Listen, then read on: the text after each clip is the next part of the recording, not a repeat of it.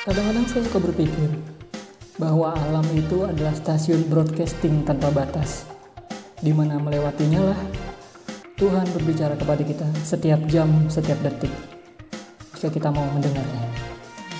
Bersama saya Deddy Rahman, inilah dia Broadcast Talk.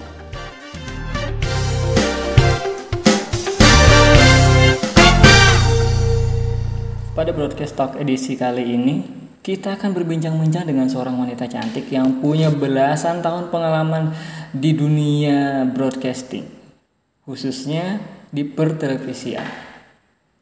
Beliau punya banyak pengalaman, punya banyak ilmu yang bisa kita serap nantinya, dan tentu saja ini akan jadi obrolan yang sangat menarik.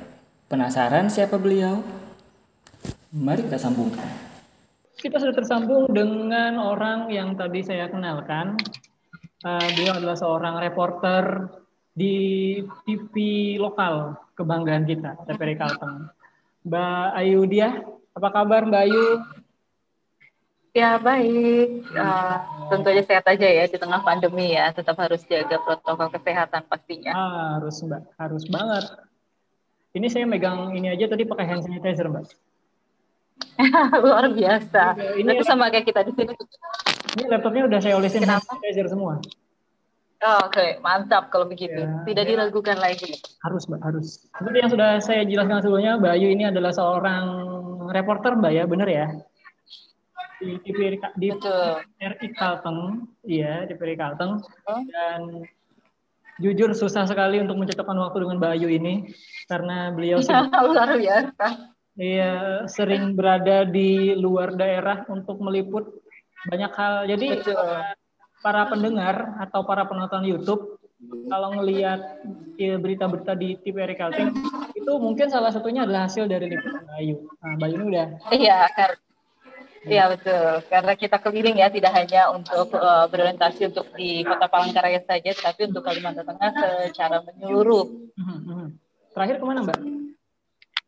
Uh, terakhir ke daerah Pendang, Kabupaten Barito Selatan, dan di sana uh, kita tidak hanya untuk uh, menginformasikan terkait dengan untuk news yang istilahnya hanya sekedar informasi, tapi kita lebih mengulas lebih dalam karena kita kita produksi kemarin sekitar untuk uh, kayak durasi uh, uh, features dokumenter yang durasinya 25 menit. Oh, features bayar. Jadi kita harus berhari-hari di sana. Hmm, hmm, hmm paling enggak semuanya udah ngalamin lah ya dari ngeliput berita politik, berita berbagai macam berita, Mbak ya. Betul.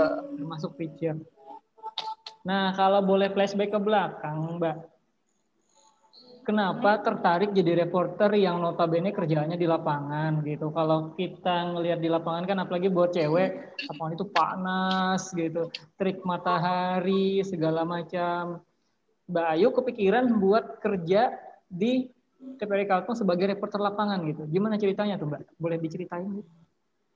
Iya, awalnya juga sebenarnya kalau cita-cita di uh, kalau kita bicara cita-cita di masa sekolah di bangku sekolah sebenarnya bercita-cita sederhana, sangat sederhana karena uh, zaman remaja, zaman remaja suka putar, suka dengar radio enak ya dengar suara penyiar radio ini enak. Uh-huh. Cita-cita sangat sederhana, pengen menjadi uh, penyiar radio. Uh-huh. Kayaknya enak enak didengar adem gitu berarti hmm. menenteramkan yeah. hanya berpikir untuk uh, menjadi penyiar radio tapi uh, seiring waktu kok malah kayaknya takdir Tuhan lain takdir Tuhan lain justru hmm. malah kita diarahkan ke TV media TV jadi kita di sini nggak sengaja juga terjun karena hmm. um, meskipun di lingkungan terbiasa dengan lingkungan uh, televisi Mm-hmm. Tapi saya belajar dari nol karena uh, segala sesuatu berproses ya. Kalau kita bicara teori, teori ini uh, nggak bisa, nggak bisa kita langsung serta merta kita pukul rata karena mm-hmm. kadangkala teori itu akan berubah di kala di lapangan. Mm-hmm. Nah itu terus semakin tertantang. Awalnya awal uh, itu awalnya tertantang aja kayaknya hmm, menarik. Kebetulan kalau saya uh, kebetulan apa lahir dari keluarga uh, berdarah Jawa hmm. dan saya lahir di untuk lahir di, di uh, Kalimantan Tengah. Dan alhamdulillahnya meskipun saya bukan orang Dayak asli berarti bukan dari Dayak uh, darah Dayak tapi saya bisa sudah keliling Kalimantan Tengah. Itu ya uh, membuat saya semakin termotivasi yang setiap hari. Pengen pengen eh, terus nih, ke mana lagi ke mana lagi? Itu saya harus pasang uh, harus dilihat nih daerah mana yang belum. Yeah. kayaknya hal-hal itu yang pencapaiannya uh, aktualisasi diri lebih ke aktualisasi diri saja. Jadi lebih kaya kan pengalaman pengalaman ke sana sini mbak ya? Mengetahui berbagai macam seluk beluk budaya orang gitu mbak ya. Iya betul. Awalnya dari dari jadi pengen jadi announcer jadi pengen jadi announcer radio gitu. Betul. Sempat nggak mbak jadi announcer radio mbak? Um, nggak sempat nggak sempat. Nggak sempat ya? Nggak nggak sempat nggak sempat awalnya malah uh, kita melamar untuk uh, untuk jadi pegawai di TVRI awalnya kita hanya bagian administrasi berarti nggak muluk-muluk mm-hmm. mimpi, mimpi mimpi mungkin kesalahan dalam mimpi harusnya mimpinya besar dulu tapi kalau saya mm-hmm. mimpi bisa mulai dari yang sederhana mm-hmm. ya dari mimpi sederhana itu ternyata uh, membuka mata mata saya pribadi bahwa sebenarnya kadang manusia yang membatasi kemampuannya. Mm-hmm. Dari iya. mimpi padahal mimpi kita harusnya kita kita gantungkan setinggi mungkin supaya kita lompatannya lebih tinggi. Tapi mm-hmm. saya enggak. Saya dari mimpi sederhana saya naik ke tangga uh, tangga yang sangat sederhana ini justru jalan Tuhan tuh membawa saya kok kayak uh, berarti ini kan kita hanya melamar jadi administrasi ternyata uh, dilihat di bagian ini enggak kamu cocok ke bagian pembidangan kamu cocoknya sudah kamu di lapangan dan saya juga tertantang kayak oh di lapangan uh, orang lain bisa kok saya nggak bisa mm-hmm. prinsip saya cuma satu pada saat itu uh, segala sesuatu kalau kalau sampai bicara tidak bisa, berarti itu tidak mau, bukan tidak bisa. Karena kebisaan berawal dari ketidakbisaan. Iya. Jadi kemauan dulu. Jadi tertantang itu, akhirnya terjun dan jatuh cinta sampai sekarang. Saya masuk mulai tahun 2007. Waduh, uh, 13 tahun. 13. Oh, lumayan lah, lumayan. Langsung jadi reporter Iya, betul, betul. Wow. Betul. Seperti Mas tanyakan tadi bahwa kenapa sih perempuan tertarik lebih mm -hmm. kalau kita di lapangan ini panas-panasan perempuan yeah, kan aduh skincare mahal gitu yeah, ya yeah. apa ini berjemur gitu ya mm -hmm. uh, saya, saya malah saya malah kayak saya akan merasa bermanfaat bisa mengaktualisasikan diri saya untuk lingkungan. Mm -hmm. Saya menaklukkan lingkungan itu saya lebih lebih kayak lebih bermanfaat dan berguna.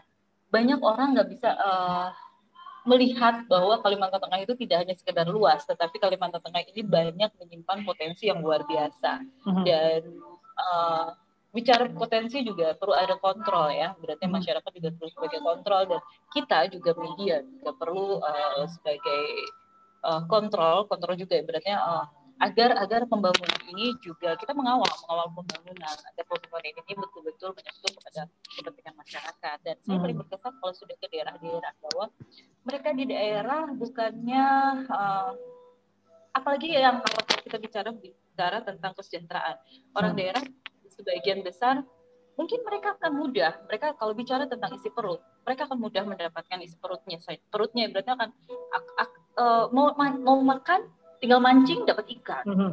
Mau uh, sayur ada. SDA-nya melimpah. Dari iya melimpah, melimpah. Mm -hmm. Tapi hanya untuk perut, yep. tapi tidak untuk kesejahteraan.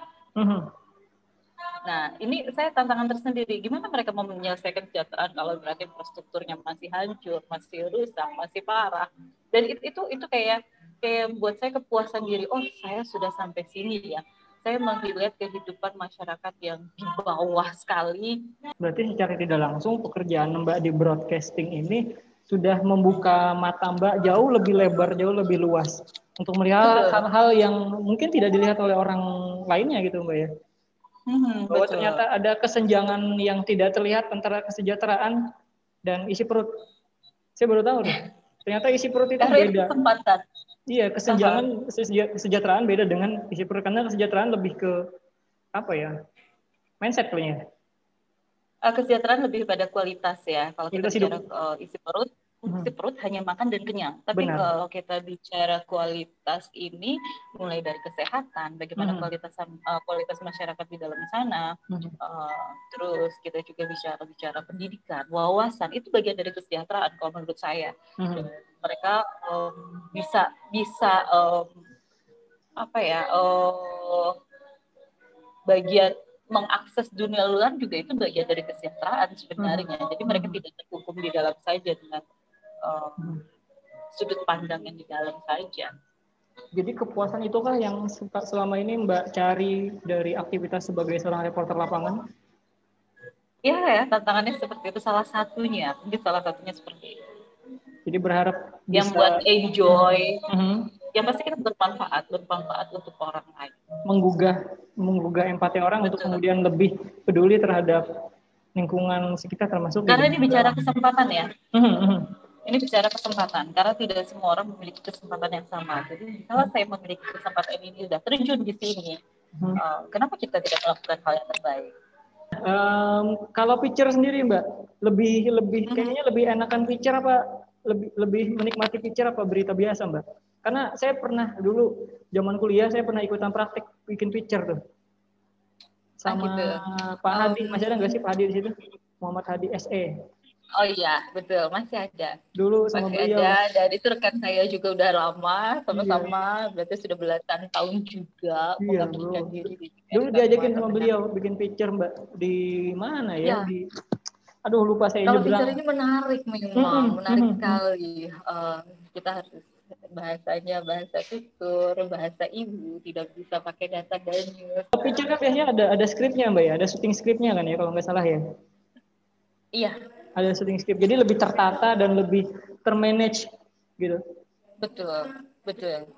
Kalau untuk features itu kita berkesinambungan ya. Kalau mm-hmm. seandainya kita mengangkat berita tentang um, kita ke kita kita uh, kalau news tanda news kita ke Satgas COVID nih, sebenarnya eh, temanya pandemi kan. Satgas mm-hmm. COVID kita mm-hmm. oh ternyata berapa yang terkontaminasi, eh, terkonfirmasi untuk COVID. Ah, hanya mm-hmm. ini sebatas itu. Tapi kalau untuk untuk uh, features kita kan lebih mengangkat lebih dalam. Bagaimana bagaimana uh, apa da, tidak sekedar data-data tersebut dan kasus tersebut yang meningkat, tetapi kita bikin mengangkatnya bagaimana peran dari tenaga medis, bagaimana masyarakat menyadari apa pentingnya protokol kesehatan, bagaimana mm-hmm Uh, berarti satgas COVID ini juga menyadarkan masyarakat dan hmm. bagaimana kebijakan-kebijakan dari pemerintah itu sendiri.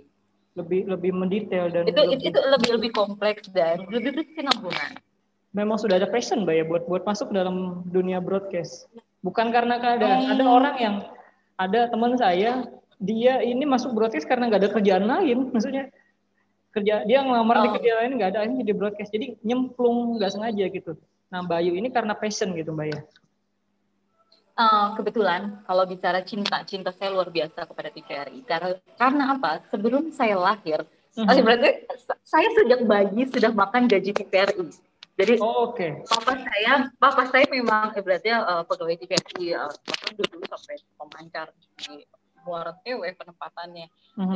Dan, uh, dari situ meskipun saya di lingkungan keluarga dari uh, TVRI Kalimantan Tengah, tapi uh, saya memperoleh ilmu ini uh, bukan bukan bukan dari orang tua, justru dari lapangan. Jadi saya pertama ini lulus ikut, ikut lulus pendidikan, saya ikut ikut tes. Uh-huh. Papa saya di situ, tapi saya nggak dapet. Uh-huh. Karena saya belum punya belum punya ilmunya uh-huh. pada saat itu. Uh, pada berarti saya kan berproses akhirnya saya dikirim sama almarhum ke uh, Jogja untuk ikut ikut kayak pendidikan ke sekolah pendek lancana. Uh-huh. Setelah ikut di sana baru uh, setelah saya punya sertifikat, uh, berarti saya punya ilmunya sudah belajar. Uh-huh. Saya tahu ternyata bikin berita itu seperti ini. Piramida terbalik itu seperti apa? Uh, uh-huh. Terus 5W1H itu apa? Saya baru tahu ilmunya setelah setelah dari sana. Saya datang datang kembali ke sini dan um, lama ikut tes ikut tes lagi tes lagi sampai dua kali saya ikut tes hmm. dan tes kedua itu alhamdulillah uh, ternyata saya diterima dan diterima pun tidak uh, eh, serta merta diterima karena saya mendaftar sebagai uh, hanya staf administrasi tapi karena ya? melihat basic saya hmm, karena basic saya seperti apa apa sudah sudah mengerti mengenai uh, tentang berita pengolahan berita makanya langsung ditempatkan di pemberitaan karena papa saya waktu itu kebetulan kalau saya di keuangan kalau nggak salah. Oke, okay. bagian administrasi juga hmm. berarti. Iya, jadi jadi kalau bicara broadcast ya saya belajar dari dari lingkungan. Karena papa hmm. saya nggak nggak nggak tahunya ya berkutat dengan akun-akun. Iya, tahunya sama ini aja apa finance-nya. Iya, ya, betul. setelah masuk ke broadcast gitu ada banyak pasti ada banyak pengalaman yang ditemukan kan banyak. Nah, nah apa yang kemudian merubah Mbak Ayu gitu? Dari sebelumnya seperti ini kemudian sekarang menjadi seperti ini. Pengalaman apa yang kemudian Mbak Ayu dapatkan yang secara tidak langsung merubah kepribadian merubah merubah pandangan terhadap terutama dunia broadcasting? Hmm, pengalaman apa ya? Sebenarnya semua berawal dari ketertarikan aja ya. Mm -hmm. uh, pengla, uh, awal awal saya ingat waktu pertama kali saya produksi uh, paket features itu di daerah mana ya di daerah Tulung yang saya nggak ngerti saya ini nggak pernah tahu kehidupan bantaran sungai mm -hmm. dan uh, saat itu naik klotok mm -hmm. saya saya naik klotok saya nginjak saya merasa menginjak uh, pop menginjak uh, kayu yang bulat, kayu bulat terus saya menginjak itu saya merasa itu berada di depan lanting. Saya nginjak. Ternyata kayu itu berputar. Berputar dan saya kecebur di situ. Habis setengah badan saya kecebur dan saya berpegang. Yang itu membuat saya gila banyak hal di luar sana yang saya nggak ketahui dan kesempatan ini dari sinilah saya mm-hmm. bisa uh, tahu banyak hal di, di dunia luar itu saya, saya berarti itu kan bukan kehidupan saya tapi saya saya tahu di sini kesempatan saya peluang saya untuk mendalaminya lagi okay. makanya tertariknya semakin cinta di lapangan oh semakin tertantang uh-huh. Saya setiap hari ketemu orang yang berbeda saya setiap hari mendapat ilmu yang berbeda uh-huh. saya setiap hari uh, merefresh wawasan saya saya setiap hari ada semangat baru lah setiap harinya berbeda pasti selalu berharap akan menemukan experience baru gitu mbak ya Betul, betul. Dan itu merubah kepribadian Mbak juga? Maksudnya merubah pandangan? Uh, bisa jadi, bisa jadi. Jauh, jauh. Kalau kita bicara uh, waktu kita selesai pendidikan, misalnya nih, hmm. uh, Mas selesai uh, SMK atau lulus kuliah berarti idealis kita sangat tinggi ya. Oh kita bercita-cita seperti ini kita bercita kita punya target. Oh nggak usah gitu nggak usah gitu. Mungkin remaja-remaja kita tuh punya punya patokan kayak oh kriteria kriteria orang yang disukai seperti ini atau kriteria pekerjaan seperti ini. Padahal kenyataan tidak seperti itu. Kembali lagi kita harus fleksibel. Itu yang merubah pola pandang dan pola pikir kita untuk uh, menerima kondisi dan bagaimana kita secepat mungkin bisa move on Sebenarnya pekerjaan seorang reporter itu, reporter TV Mbak ya, itu gimana sih bisa dijelaskan lingkupnya? Karena kan banyak banyak banyak orang belum belum paham apa itu broadcast. Apa itu uh, karena kan bisa dibilang Mbak ini sudah um, apa namanya bagian di jurnalistik ya. Kalau Mbak ya udah bilang sebagai seorang jurnalis Mbak ya. Betul. Jurnalis TV. Nah, um, Betul. Bagaimana uh, konsep kerjanya Mbak bisa dijelaskan? Kalau kita uh, di TVRI Kalteng untuk untuk pembagian tugas ada uh, reporter, kalau kita ke lapangan ada reporter dan kameramen. Mm-hmm. Kalau reporter dia lebih bertanggung jawab terhadap data, jadi dari lapangan menghimpun data, data mungkin mm-hmm. uh, apa lima W satu hanya kita kita yang pegang kita yang pegang okay. intinya rumusnya apa kita yang wawancara narasumber kita yang mengulik kita yang uh, melihat bagaimana uh, sisi menariknya ya apa yang menarik yang diberi, diberitakan gitu uh, itu itu itu, itu uh, seandainya ada banjir uh-huh. ada banjir sebagian orang mungkin hanya mengambil masalah tentang banjir banjir uh-huh. padahal di situ ada sisi menarik ternyata di situ ada uh, sisi ekonominya ternyata di situ ada masyarakat menyediakan kapal uh, apa feri-feri penyeberangan atau uh, bagaimana masyarakat memanfaatkan uh, banjir itu berarti dapat ikan sudah uh, apa dari su itu itu, itu itu itu kita menggali. Banyak banyak sumber banyak sisi banyak pandangan. Tergantung kayak segitiga. Hmm. segitiga kita nggak bisa melihat dari satu sisi tapi semua sisi kita lihat. Nah sama dengan uh, news kita berita kita harus bisa berimbang. Harus kita bisa seimbangkan kita tidak boleh beropini, kita harus uh, terjun ke lapangan, melihatnya secara langsung, kita himpun dan itu, itu tanggung jawab reporter. Kalau kameramen dia lebih bertanggung jawab terhadap visual dan gambar yang diambil. Kalau visual banjir ya banjir diambil, nggak usah gambar yang lain-lain, istilahnya ini yang lain berikan dukung saja. Terus kalau uh, sudah selesai itu, selesai dihimpun, kita akan olah itu uh, menjadi narasi atau data. Uh, seperti saya ini, saya ini lagi lagi lagi lagi uh, apa lagi dibuat teks beritanya. Naskah, oke, okay. ini naskah tapi untuk ini untuk untuk pictures yang 25 menit. Uh, dibuat, kita datanya itu kita kita olah, uh-huh. kita olah. Nanti kameramen juga uh, uh, setelah setelah ini setelah setelah apa? Setelah naskahnya sudah jadi, kita akan melakukan proses pendubbing, uh, proses dubbing dan dubbing berarti peng, pengambilan suara ya berarti uh -huh. kita uh, ngisi suara setelah ngisi suara nanti editor uh, akan memixnya dengan uh, voice kita dan visual tadi uh -huh. di visual kita kalau seandainya kita bicara seandainya ada apa um, nah, seandainya warganya soal warga uh, warga bantaran sungai ya berarti masyarakat yang ada di bantaran sungai atau kita bicara Pak Budi gambarnya Pak Budi ya. jangan hmm. gambar yang yang lain-lain hmm, itu, itu, itu itu itu itu peran peran peran editor penting juga hmm, dalam menyelaraskan antara visual dan data yang dihimpun oleh reporter kameramen tadi di lapangan. Baru setelah itu baru di um, disusun nanti dan disiarkan yang kalau untuk Kalimantan Tengah hari ini jam 5 sampai jam 6 sore yang tadi namanya apa tadi nama acaranya mbak? Saya Kalimantan Tengah hari ini. Kalimantan Tengah hari. Dulu Katambung ya, kabar tamu bunga ya. Hmm, betul, betul. Ya. Tapi selama 13 tahun berkarir di dalam dunia broadcasting sebagai seorang reporter lapangan tentu ada rasa jenuh dong, rasa capek dong. Ya kan, Mbak? Kira-kira. Hmm, betul itu gimana manajemennya mbak? Biar kita tetap selalu semangat dan move on.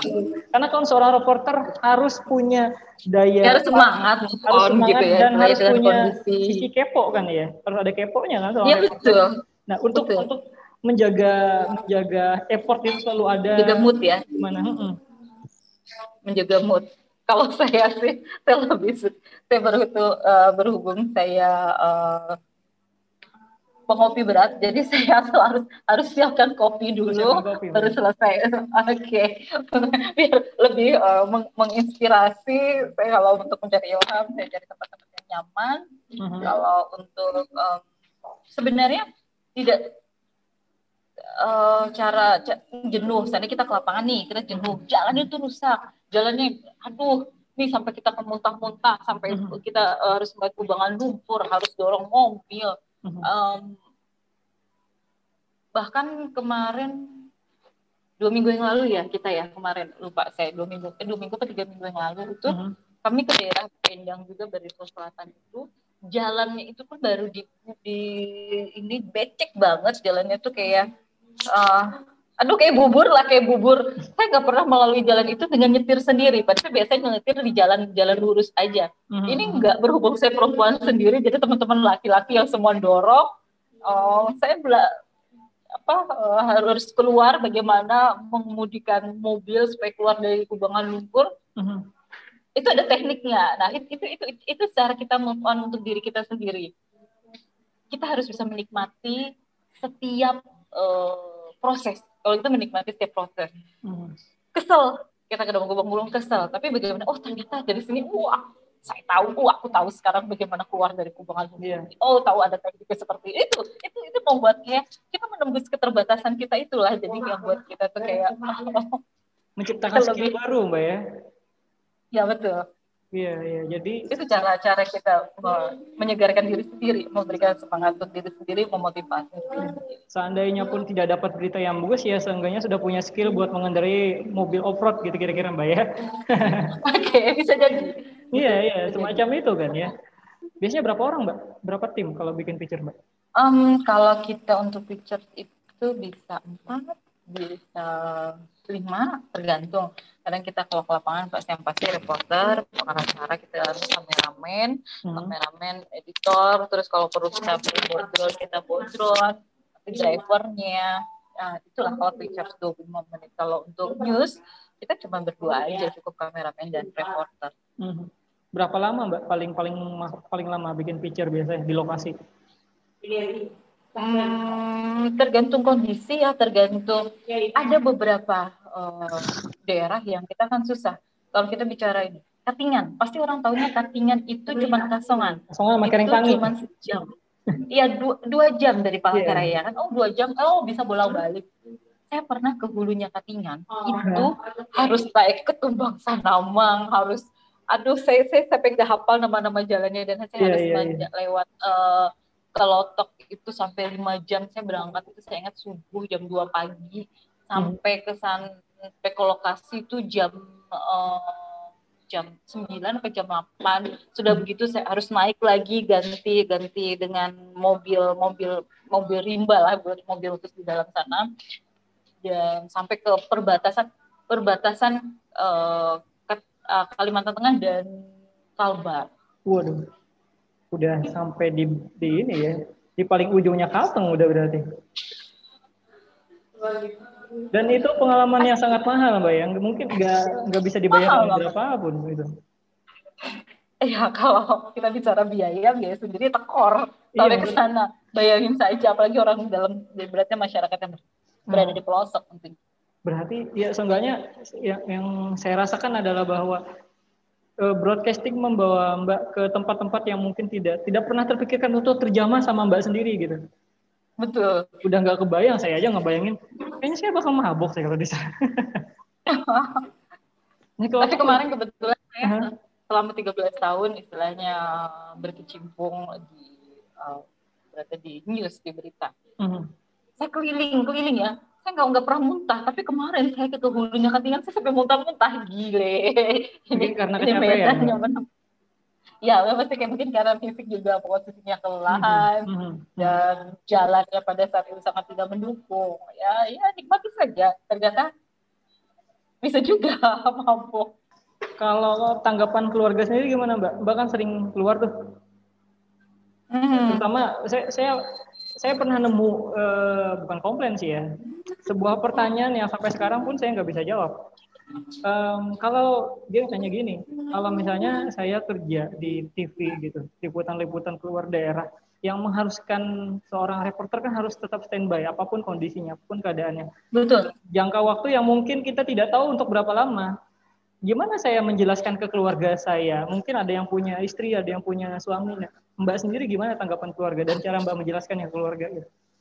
Um, awalnya kayak mama saya itu, mama saya itu cerewetnya bukan main kalau hmm. saya bilang karena ya, tipikal ibu-ibu lah ya. Adik, adik, adik, adik saya kan laki-laki semua, uh-huh. saya perempuan. Bahkan mungkin adik-adik saya tidak bukan tidak ya untuk saat ini mungkin belum belum melalui apa yang sudah saya lalui. Uh-huh. Uh, saya pernah masuk ke dalam hutan hutan perawan di daerah Mangkatip yang pohonnya gede-gede masih saya masuk itu dari yang uh, kelotoknya itu isinya delapan habis itu mengecil jadi cuma isinya lima pindah kelotoknya habis itu nanti kecil lagi timbul kelotoknya cuma dua ya cuma di dayung. Akhirnya nggak bisa jalan lagi jalan di rawa-rawa. Jadi uh, awalnya sih mama saya tuh kayak um, aduh kamu kan cewek kamu masuk sana aduh kalau ada apa-apa kamu di dalam sana gimana? Aduh ini ini.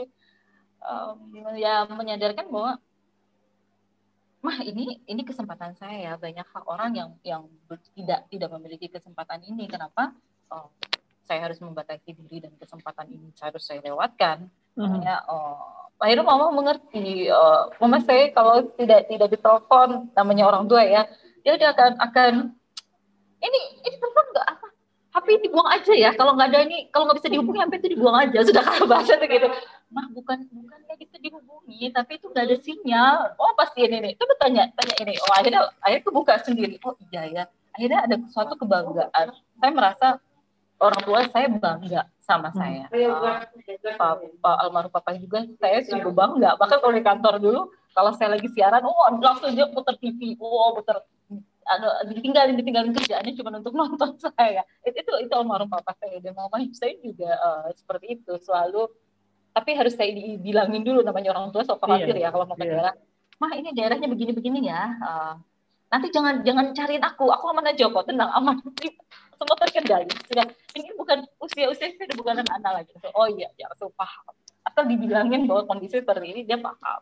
Itu itu luar biasa pengalaman yang saya mencoba membayangkan setiap narasi yang Mbak sampaikan dan buat saya itu luar biasa bisa masuk ke hutan yang belum pernah terjamah, yang uh, makin lama jalur tol jalur tol kelotoknya makin mengecil.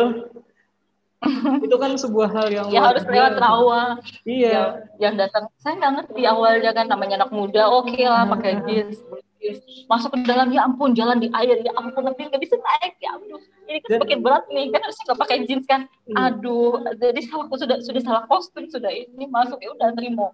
Sampai kata teman saya asal saking saking lelahnya jadi masuk ke dalam itu hutan itu kayak ditebas. Jadi kalau mau masuk hutan itu ditebas. Itu bukan jalan istilahnya. Bukan bukan bukan memang bukan tempatnya warga. Mm-hmm. memang hutan itu baru itu waktu itu kalau nggak salah penilaian Kalpataru untuk uh, almarhum Pak Ringcono Kim kalau nggak salah saya lupa juga uh, itu melihat sana dari LHK dari Kementerian uh, Lingkungan Hidup uh, datang untuk meninjau sana untuk memberikan penilaian. Dan masuk ke sana uh, tim tim tim dari LHK nya sudah uh, sudah terkapar di di di awal-awal di di awal perjalanan belum sampai ke tengah. Masa ke dalam mbak. Saya sudah nggak mikir lagi di dalam. Ya saya tahu lelah capek. Ya duduk aja. Sampai ada teman tuh bilang ayo cepet.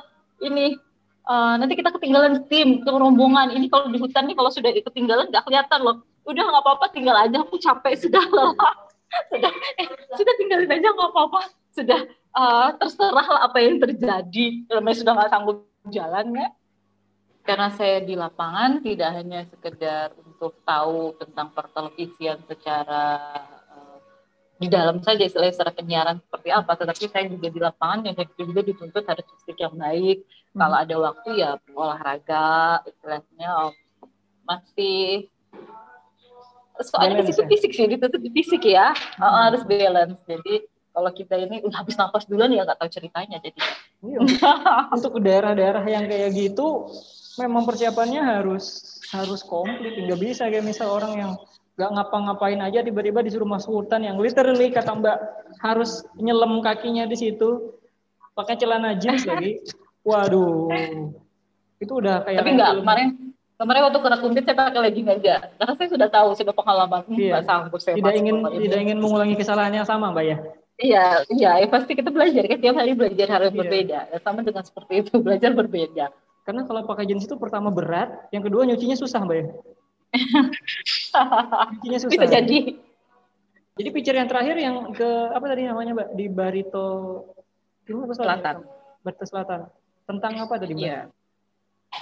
Kalau ini saya lagi ini tentang picture tentang uh, apa istilah kepedulian, kepedulian masyarakat luar uh, Muslim Asia, uh, bagaimana mereka menghimpun berarti mereka yang dari Asia ini um, donatur-donaturnya menghimpun apa dana yang dikelola untuk membantu warga-warga miskin, duafa, janda, uh-huh.